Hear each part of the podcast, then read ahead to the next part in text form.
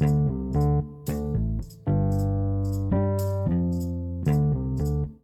uh, halo para pendengar. Um, bertemu lagi dengan saya Ali Akbar Septiandri di uh, podcast tentang data. Kali ini tamu saya adalah seorang dosen di Fakultas Teknik Mesin dan Dirgantara di Institut Teknologi Bandung, Pak Pramudita Satria Palar. Ya benar ya Pak? Ya, ya benar. Okay. Panggilannya Pram saja. Nah Pak Pram ini saya ceritakan dulu ini deh sedikit uh, pengalaman beliau. Jadi beliau S1, S2 di teknik Fakultas Teknik Mesin dan Dirgantara, spesifiknya di uh, Teknik Penerbangan di Institut Teknologi Bandung. Kemudian beliau melanjutkan PhD-nya di um, sama bidang yang sama di Universitas uh, Tokyo, University of Tokyo di Jepang. Gitu. Nah, selama penelitiannya itu juga beliau sempat menjadi visiting researcher di University of Cambridge di United Kingdom. Gitu. Kurang lebih gitu ya Pak uh, pengalamannya. Kalau mungkin uh, Bapak bisa mengenalkan lebih banyak lagi uh, dari sisi pengalamannya, professional experience-nya, pernah riset di mana saja, dan mungkin uh, sedikit intro ke penelitian Bapak sebenarnya banyak di mana. Gitu. Oke, oke, terima kasih Ali perkenalan ya. Jadi tadi sudah diperkenalkan dari education-nya. Uh, jadi saya beres PhD itu tahun 2015 ya. Uh, jadi nama jurusannya tuh kalau dulu pas saya masuk ITB tuh teknik penerbangan. Nah, tapi pas saya lulus tuh aeronautika dan astronautika. Dan pas saya ngajar namanya teknik dirgantara. Jadi sudah ganti beberapa kali tuh.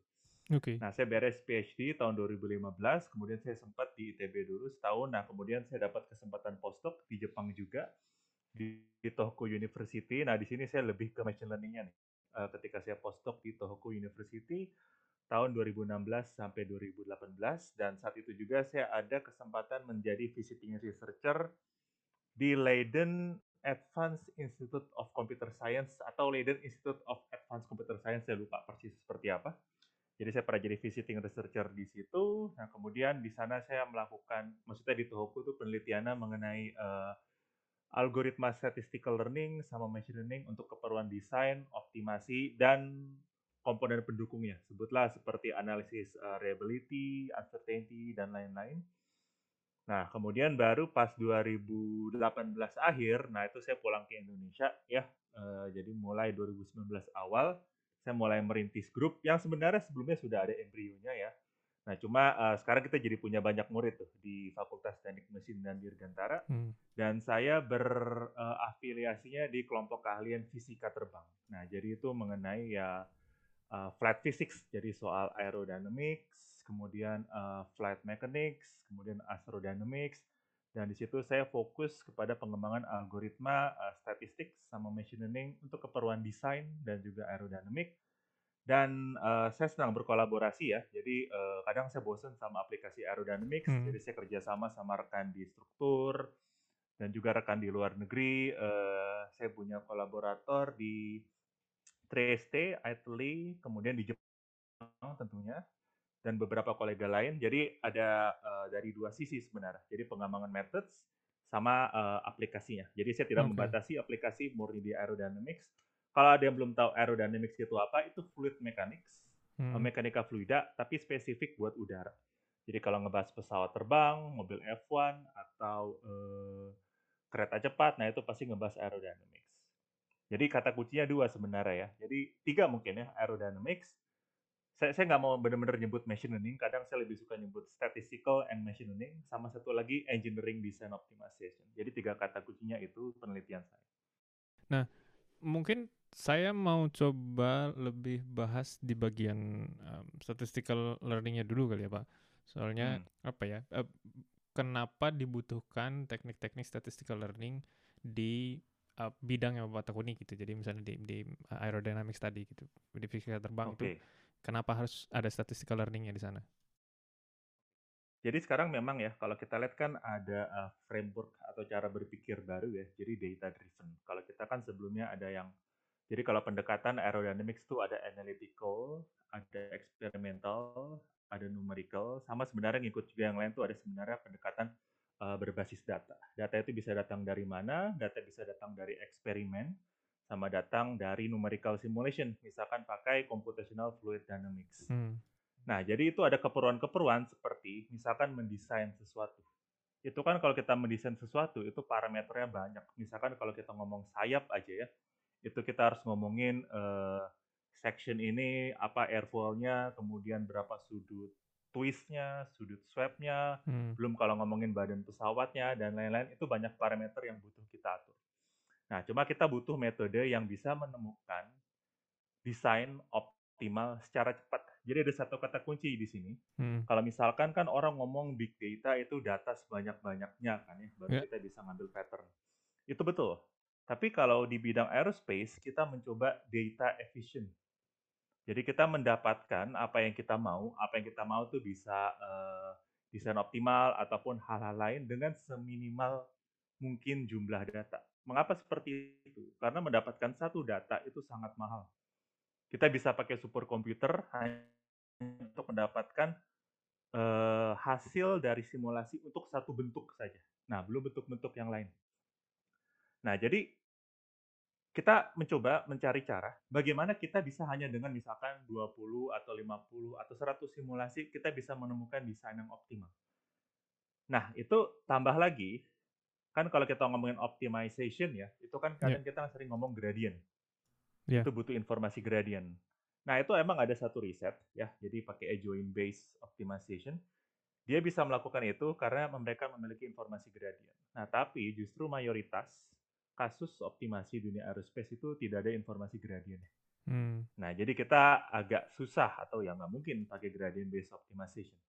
Nah, justru di sinilah jadi peran dari statistical sama machine learning. Jadi simpelnya, bagaimana kita membuat model dari output sama input. Jadi apa itu outputnya? Keluarannya adalah sesuatu yang mau kita uh, optimize. Misalkan kalau kita ngomongin pesawat atau sayap, itu gaya hambat. Mengapa mengurangi gaya hambat penting? Karena itu bisa mengurangi fuel burn. Inputnya apa? Nah itu bentuk parameter bentuk. Jadi misalkan tadi sudut twistnya atau misalkan airfoilnya, airfoil itu penampang dari sayap, jadi kita mencoba mencari hubungan itu. Jadi ada fungsi dari X, X-nya itu adalah parameter bentuk, Y-nya sendiri atau Y sama dengan Fx adalah gaya hambat misalkan. Oke. Okay. Nah itu kita nggak tahu, kita nggak tahu persisnya seperti apa. Nah itulah yang kita dekati dengan statistical sama machine learning. Dan untuk membuat itu tentu kita butuh data kan ya. Nah bedanya kalau di sini data itu itu kita generate sendiri. Nah jadi Mungkin bedanya juga ya kalau misalkan di dunia machine learning umum, umum kan data itu datang ke kita. Yeah. Nah, tapi kalau di engineering, saya nggak hanya ngomong aerospace engineering, tapi juga engineering, itu umumnya kita bisa mengatur di mana kita mau mengevaluasi data kita. Nah, itu ada ilmunya sendiri kan ya, design of experiment. Oke. Okay. Nah, jadi sebenarnya tujuannya itu, kalau kita ngomong konteks optimasi, kita mau mencari desain optimal dengan evaluasi komputer atau simulasi sedikit mungkin. Ini saya baru ngomong optimasi, belum design exploration, ada lagi uh, analisis reliabilitas, ada juga uncertainty quantification, dan lain-lain. Nah, itu sebenarnya motivasinya mengapa kita membutuhkan statistical dan machine learning. Oke, saya mau coba bahas bagian optimasinya dulu nih Pak, sebelum kita pindah ke yang lain-lain. Hmm? Kalau kita mau lihat secara dampaknya ya Pak, sebenarnya bagaimana mengkuantifikasi dampaknya gitu artinya yang tadi bapak sempat sebut kata kuncinya mungkin fuel burn gitu ya untuk untuk pesawat gitu karena um, masalah hmm. ada gaya hambatnya kemudian um, bisa mem membuat fuel burnnya lebih efisien gitu misalnya nah kalau kita hmm. bicara mungkin yang lebih konkretnya saya misalnya uh, dari sisi finansialnya dampak finansialnya gitu seberapa banyak sih yang bisa dihemat kira-kira gitu dampaknya uh, kayak gimana okay. gitu jadi kalau misalkan kita ngomongin soal desain pesawat ya, itu people will kill for 2% reduction in drag coefficient. Jadi hmm. kita bisa mengurangi gaya hambat sekecil apa pun itu sangat berpengaruh sekali kepada fuel burn. Nah ini kan efeknya bukan hanya ke finansial tapi juga lingkungan ya. Karena kalau ah, kita okay. bisa yeah. mengurangi konsumsi bahan bakar, tentunya itu lebih baik. Betul. Nah itu uh, bukan hanya masalah fuel burn juga, tapi juga misalkan safety. Ini saya ngomongnya lebih lanjut misalkan ke stability-nya. Hmm. Jadi saat kita melakukan proses desain, jadi desain aerospace itu kompleks karena walaupun saya ngomongnya aerodinamik saja, tapi kita juga harus ngomongin kekuatan struktur. Desain karena gini, jadi ternyata saya begini, kalau mau gaya hambatnya sekecil mungkin, itu sayapnya harus tipis mungkin. Oke. Okay. Tapi masalahnya kalau sayap kita setipis mungkin, itu nggak muat itu uh, wing box ataupun komponen lain yang harus masuk sayap. Sayapnya juga akan terlalu ringkih. Ah, ya. Belum kita ngomongin kontrolnya, karena dia juga harus stabil. Belum kalau ngomongin masalah lain ya. Nah, jadi ini sekarang saya mungkin keluar sedikit aerodynamics, Ya. kita ngomong ke strukturnya misalkan. Nah, kalau kita ngomongin optimasi struktur, itu kita misalkan ada salah satu targetnya mengurangi berat, tapi struktur ini tetap kuat. Untuk misalkan di eh, untuk terbang cruise di kecepatan berapa gitu. Nah, ini kan jelas kan ya, kita kalau mengurangi berat itu akan mengurangi banyak eh, hal-hal yang tidak enak juga gitu. Maksud saya kita bisa eh, mengurangi fuel burn dan lain-lain.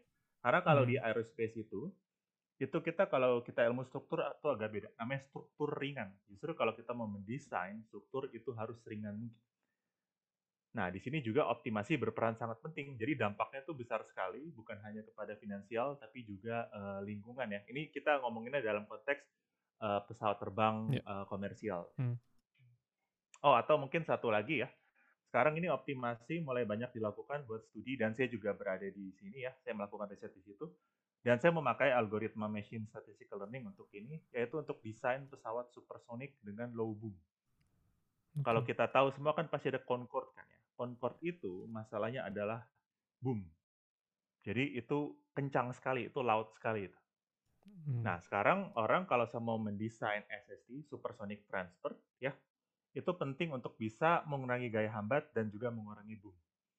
Nah, riset yang saya lakukan itu bersama kolega di Tohoku University, Jepang, kita pakai algoritma uh, Gaussian processes sebagai basisnya. Mhm. Kita pakai ini untuk mendesain, untuk mencari konfigurasi-konfigurasi supersonic transfer yang bisa mengurangi gaya hambat dan juga mengurangi loudness akibat sonic boom.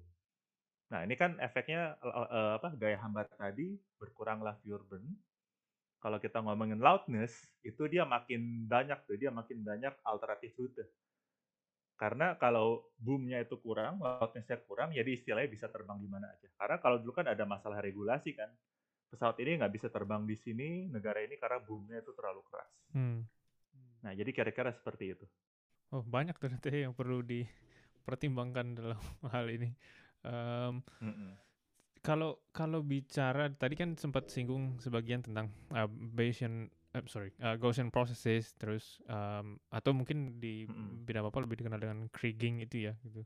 Um, Ya, sebenarnya Benar betul. apa ya alasan yang paling mendasar kenapa ini yang dipilih gitu apa gitu atau misalnya ada nggak sih alternatifnya untuk uh, algoritma ini misalnya? Oke, benar. Ini ini ini pertanyaan bagus dan penting ya. Kalau misalkan Anda perhatikan riset saya itu banyak sekali soal Gaussian processes. Kadang saya pakai nama Kriging, kadang saya pakai nama Gaussian process regression, suka-suka saya aja gitu. Kadang Iya. tergantung komunitas. Kemudian saya juga ada sih beberapa algoritma lain, misalkan yang kedua tuh polynomial chaos expansion, itu sebenarnya juga surrogate model, tapi dia lebih banyak di komunitas eh, uncertainty quantification. Tapi kita ngomongin itu di lain kali lah. Hmm. Nah, mengapa Gaussian process gitu? Jadi kan eh, kalau kita balik ke diskusi awal kita tadi, kita butuh data efficient kan ya. Jumlah data sesedikit mungkin. Jadi dengan jumlah data sedikit, apa yang bisa kita lakukan di sini?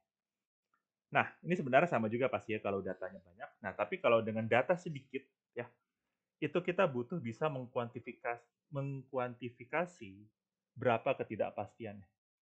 Misalkan kita mau eh, Oke lah, kita bikin model machine learning, kemudian kita mau menebak, memprediksi kalau bentuknya seperti ini, berapa ya angka gaya hambatnya atau gaya angkatnya. Kita kan mau menebak kan ya. Nah, tapi kita nggak bisa sepenuhnya langsung percaya sama angka yang diberikan model machine learning itu. Hmm. Kita butuh tahu istilahnya confidence intervalnya. Berapa kira-kira prediksinya, batas atasnya, batas bawahnya gimana. Jadi kita butuh uncertainty-nya di situ. Nah, jadi Oke. kata kuncinya itu uncertainty. Nah, Gaussian processes memberikan itu secara otomatis karena memang pada dasarnya dia diturunkan dari random fields. Jadi dari random functions. Gaussian di sini ya. Jadi Mm-mm. ada stochastic prosesnya Gaussian. Ketika kita melakukan optimasi, kita punya dua informasi jadinya. Prediksi dari modelnya Mhm. sama uncertainty-nya berapa di titik itu. Oke. Makanya kita bisa melakukan Bayesian optimization. Nah, apalagi banyak fungsi di aerodynamics itu nonlinear. Jadi kita nggak bisa sekedar pakai regresi linear atau polinomial biasa gitu ya istilahnya. Hmm. Nah, jadi kita butuh model yang bisa menangkap respons nonlinear sama bisa memberikan uh, kuantifikasi dari ketidakpastian tersebut. Misalkan kita kontraskan sama model lainnya, ya simpelnya polinomial aja ya. Polinomial secara uh, secara inherent dia nggak punya itu structure uncertainty-nya. Hmm. Kemudian kalau misalkan uh, super vector machine mungkin ada yang Bayesiannya ya, cuma uh, kalau kita ngomongin super vector regression dia nggak punya itu. Hmm. Atau ada lagi namanya radial basis function itu juga nggak punya. Nah, jadi kemudian mungkin uh, mengapa tidak neural network gitu misalkan ya. Yeah. Nah, jadi ini ini debatable ya. Cuma kalau dari pengalaman saya neural network itu banyak hyperparameter yang harus diatur. Nah, di sini dan kecuali kita ngomongin Bayesian neural nets, nah itu nggak ada itu structure uncertainty-nya ya. Hmm. Kecuali mungkin kalau ada pakai dropout atau uh, beberapa teknik lain nih. Yeah. Nah, tapi kalau saya ngelihatnya dari pengalaman saya mencoba dan mengembangkan model, Gaussian process punya dua keuntungan, yaitu dia bisa mendekati fungsi nonlinear, mm-hmm. sama itu tadi dia punya uncertainty-nya. Dan satu hal yang saya suka adalah ini. Nah ini dia fleksibel dan bisa kita masukkan informasi tambahan kalau kita hmm. misalkan seperti ini. Kalau kita tahu kira-kira uh, korelasinya seperti apa, kita bisa ganti correlation function atau covariance function atau kernel lah kita sebut lah. Yeah.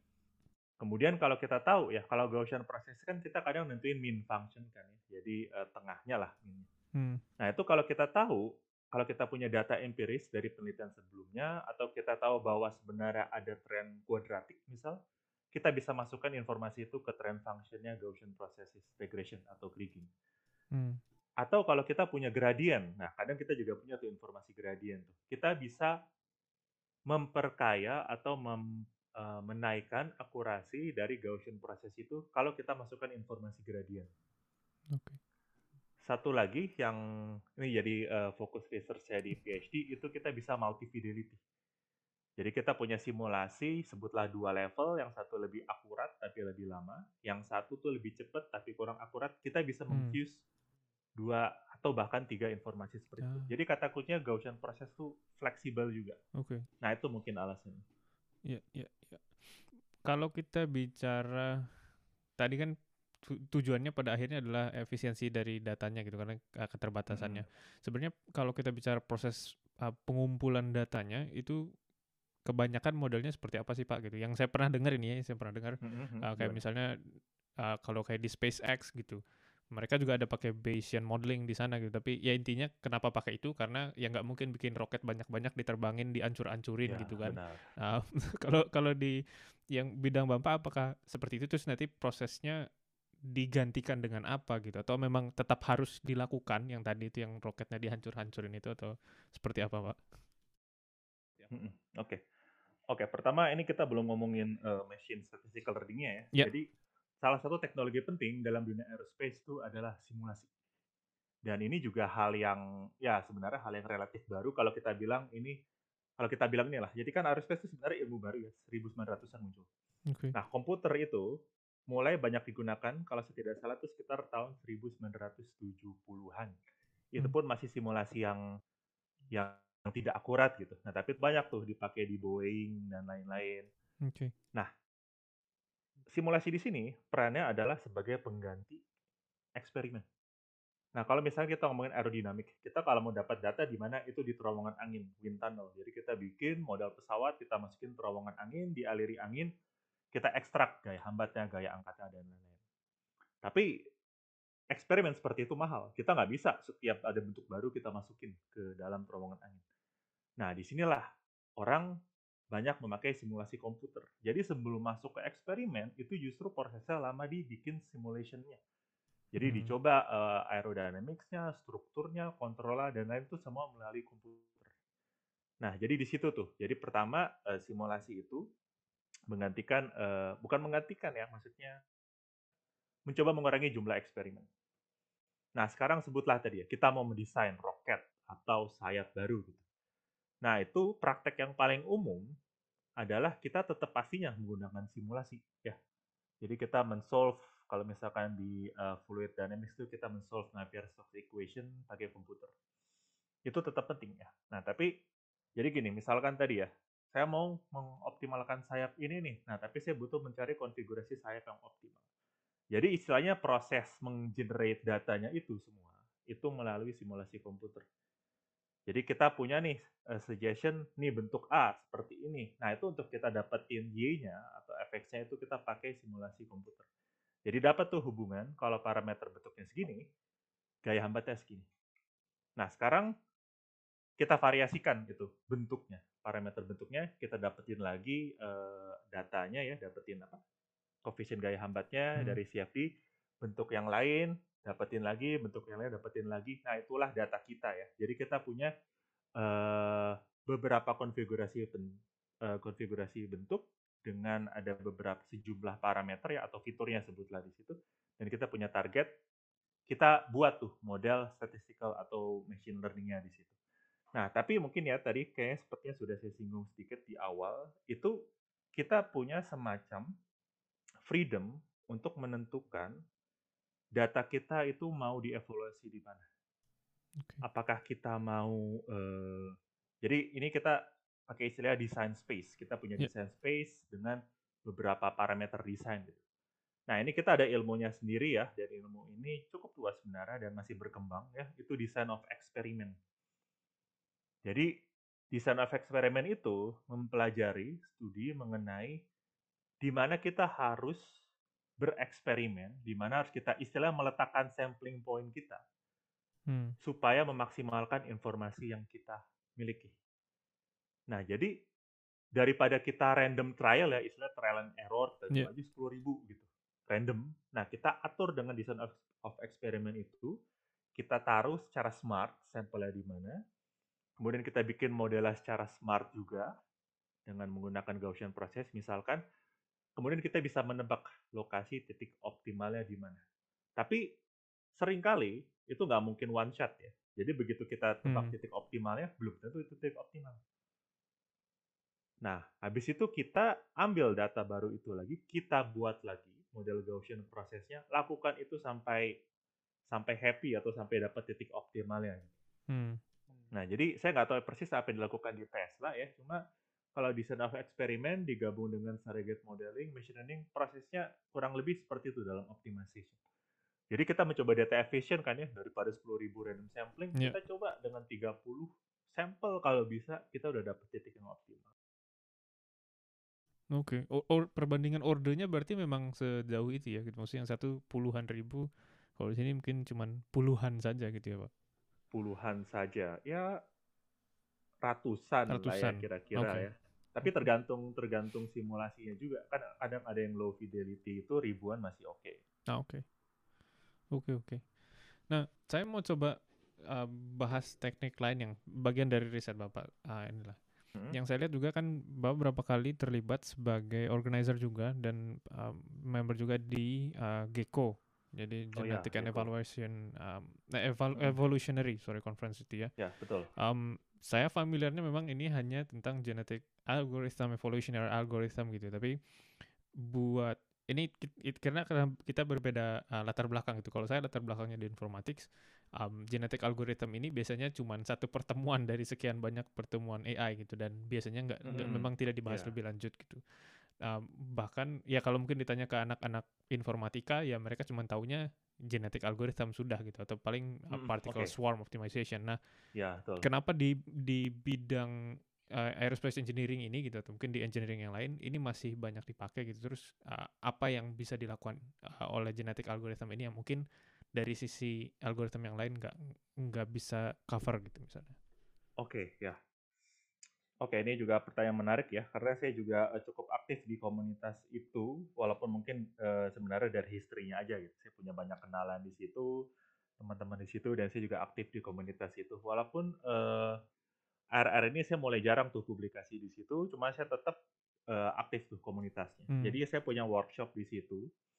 Itu uh, real world applications of continuous and mixed integer optimization. Di situ kita mencoba uh, membuat workshop di mana yang komunitas yang uh, algorithmic development-nya sama yang komunitas untuk yang lebih ke application itu bisa istilahnya duduk bareng, ngomongin solusi bareng atau ngomongin masa depan bareng kira-kira seperti itu.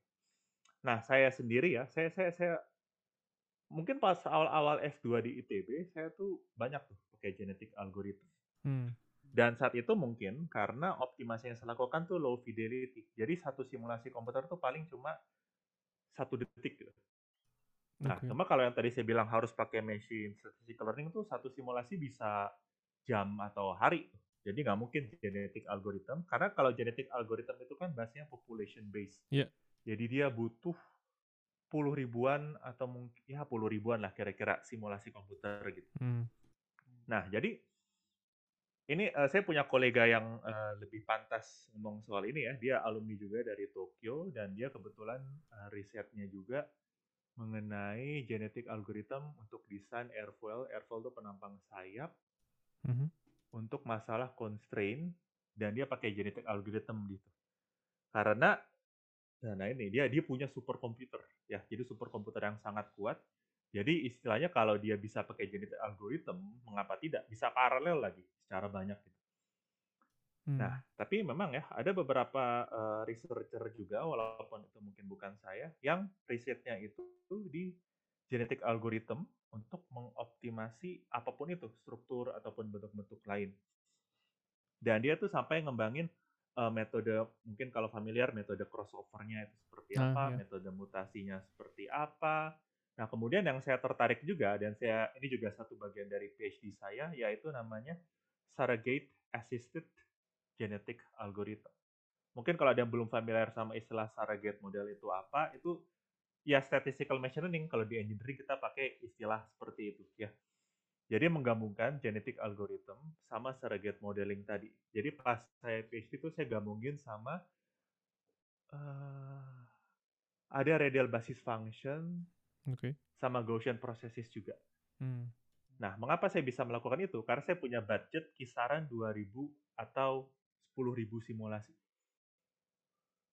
Karena kan juga Gaussian process itu setidaknya bentuk-bentuk yang eh, dasarnya itu punya masalah kalau jumlah sampelnya terlalu banyak, dia maka makin terlalu mahal. Hmm. Nah, jadi makanya tuh saya juga dulu saya baru ingat PhD saya terlibat di situ tuh, surrogate assisted genetic algorithm untuk optimasi aerodynamics. Nah, kemudian juga ada kolega saya di JAXA, itu Japan Aerospace Exploration Agency, namanya Akira Oyama. Ini muridnya, eh sorry, mahasiswanya, sorry, apa, dosennya kolega saya tadi, namanya Hmm. Bimo. Nah, ini dia banyak sekali memakai genetic algorithm ataupun variannya untuk optimasi di space, bidang eh, luar angkasa tuh, entah desain roket, entah desain yang macam-macam, dan itu pun pakai simulasi yang sangat mahal. Dan dia bisa melakukan itu karena dia punya superkomputer yang sangat kuat, kayak komputer kalau tahu. Jadi dia optimasinya pakai kom- kayak komputer bisa paralel dalam jumlah yang sangat banyak.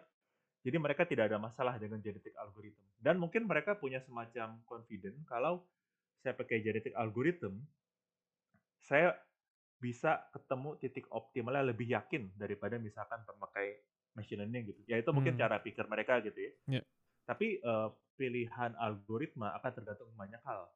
Seberapa mahal simulasi kita, sama resource computing kita tuh juga jadi satu faktor ya. Karena kalau saya ngelihat ya kayak tadi tuh yang di Jaksa itu, karena mereka pakai ke- kayak komputer. Jadi mereka bisa pakai eh, genetic algorithm. Nah kalau soal genetic algorithm, saya punya ketertarikan sama satu variannya ya. Itu namanya covariance matrix adaptation evolution strategy. Dan seingat saya algoritma ini itu juga banyak dipakai itu. Kalau saya nggak salah Hmm. ini mohon di cross check lagi itu di Iya. Uber. Dia optimasi pakai CMAIS tadi kalau saya tidak salah tuh. Ah. Kalau saya tidak salah ya, tapi in- intinya var- evolution strateginya saya ingat tuh. Cuma apakah dia CMAIS saya lupa. Oh, nanti nanti kalau kalau ketemu link untuk papernya nanti saya bisa taruh di uh, deskripsi dari episode ini supaya Oh, oke. yang lain bisa buka Ya. juga, Pak. Um, Oke, so apa ya sejauh ini sejauh ini sudah banyak yang kita bahas kelihatannya dan dan menarik menarik sekali ternyata ini bidang yang apa ya kalau kalau orang-orang yang baru belajar machine learning biasanya sih nggak sampai sana pak gitu terutama kalau kayak saya backgroundnya di informatics gitu biasanya kita nggak bicara Hmm. datanya sedikit justru maunya datanya langsung banyak Ya, benar. tapi ternyata kan di engineering tidak kalau bisa seperti itu Saya ketemu kalau saya ketemu orang eh, sebutlah computer science atau apa. Ya tapi tergantung juga ya, maksudnya orang computer science yang kerjanya di Bayesian optimization kan justru dia concern sama sesedikit mungkin Iya. kan ya. Tapi memang ada dua cara pikir yang berbeda. Itu ketika data sebanyak-banyaknya sama data efisiennya itu benar-benar tergantung sama bidangnya sama targetnya seperti apa. Iya, iya benar. Uh, seingat saya juga di uh, Cambridge University itu memang uh, populer machine learning grupnya untuk bidang ya Gaussian processes gitu banyak yang di Iya, Rasmussen. Iya, Rasmussen um, grupnya uh, Zubin Garamani. Um, ya mainnya banyak di sana sih ingat saya memang juga. Nanti nanti saya taruh linknya juga ini buat yang pendengar supaya hmm. bisa buka-buka. Siapa tahu tertarik. Nah itu juga buku bagus tuh. Itu recommended sekali tuh. Yang Gaussian Processes for Machine Learning dari Rasmussen. Itu mungkin kalau yang uh, bidangnya dari science justru itu harusnya buku pertama yang dibaca kalau mau mendalami Gaussian process. Hmm. Oh ya, sip. Nanti saya taruh uh, linknya supaya bisa buka-buka juga. Hmm. Banyak yang ditaruh nih sepertinya. Eh, nggak apa-apa pak, justru itu tujuan. biar biar okay. banyak tahu gitu kan ini pointer gitu karena kita terbatas medianya cuma mendengarkan saja. Hmm. Nanti kalau ada yang tertarik lagi silahkan buka linknya satu-satu. Terus bersenang-senanglah di rabbit hole-nya. hmm. Gitu pak. So anyway, uh, kayaknya kita udah cukup banyak yang kita bicarakan. Um, terakhir mungkin dari uh, Pak Pram ada yang mau disampaikan gitu. Mungkin apa ya kalau saya saya boleh tanya terakhir mungkin sifatnya lebih ke visi Bapak sebenarnya kalau melihat ke depan uh, apa ya apalagi sih yang belum belum ya. bisa kita capai gitu. Apa yang apa yang mau kita kejar ke depannya gitu. Kalau terutama di bidang okay. yang Bapak tekuni ini. Bidang saya ya. Jadi dalam research ya jadi sekarang uh, mahasiswa-mahasiswa saya di ITB itu uh, topiknya mulai macam-macam ya. Jadi uh, salah satu yang mau saya highlight itu uh, physics inform machine learning. Hmm. Nah mungkin sudah ada yang pernah dengar ini ya. Jadi kalau misalkan istilah pure machine learning itu kan data driven. Nah, tapi kalau misalkan dari uh, kita engineering atau science itu kita sudah tahu istilahnya governing equations-nya, physical law-nya seperti apa. Nah, jadi salah satu framework yang lagi cukup tren saat ini dan saya juga ada beberapa mahasiswa mengerjakan ini itu adalah tadi tuh physics information learning. Bagaimana kita menggabungkan informasi physical law dengan data driven untuk kita mencapai tujuan kita lebih cepat dan lebih efisien. Nah, jadi ada satu mahasiswa S2 saya itu mengerjakan Physics Inform Neural Network. Nah, jadi dia mencoba uh, menyelesaikan persamaan alam, persamaan atur fluida, justru hmm. menggunakan neural network. Dan dia menggabungkan neural network itu dengan persamaan Navier-Stokes-nya. Jadi supaya dia bisa menyelesaikan kasus-kasus seperti itu.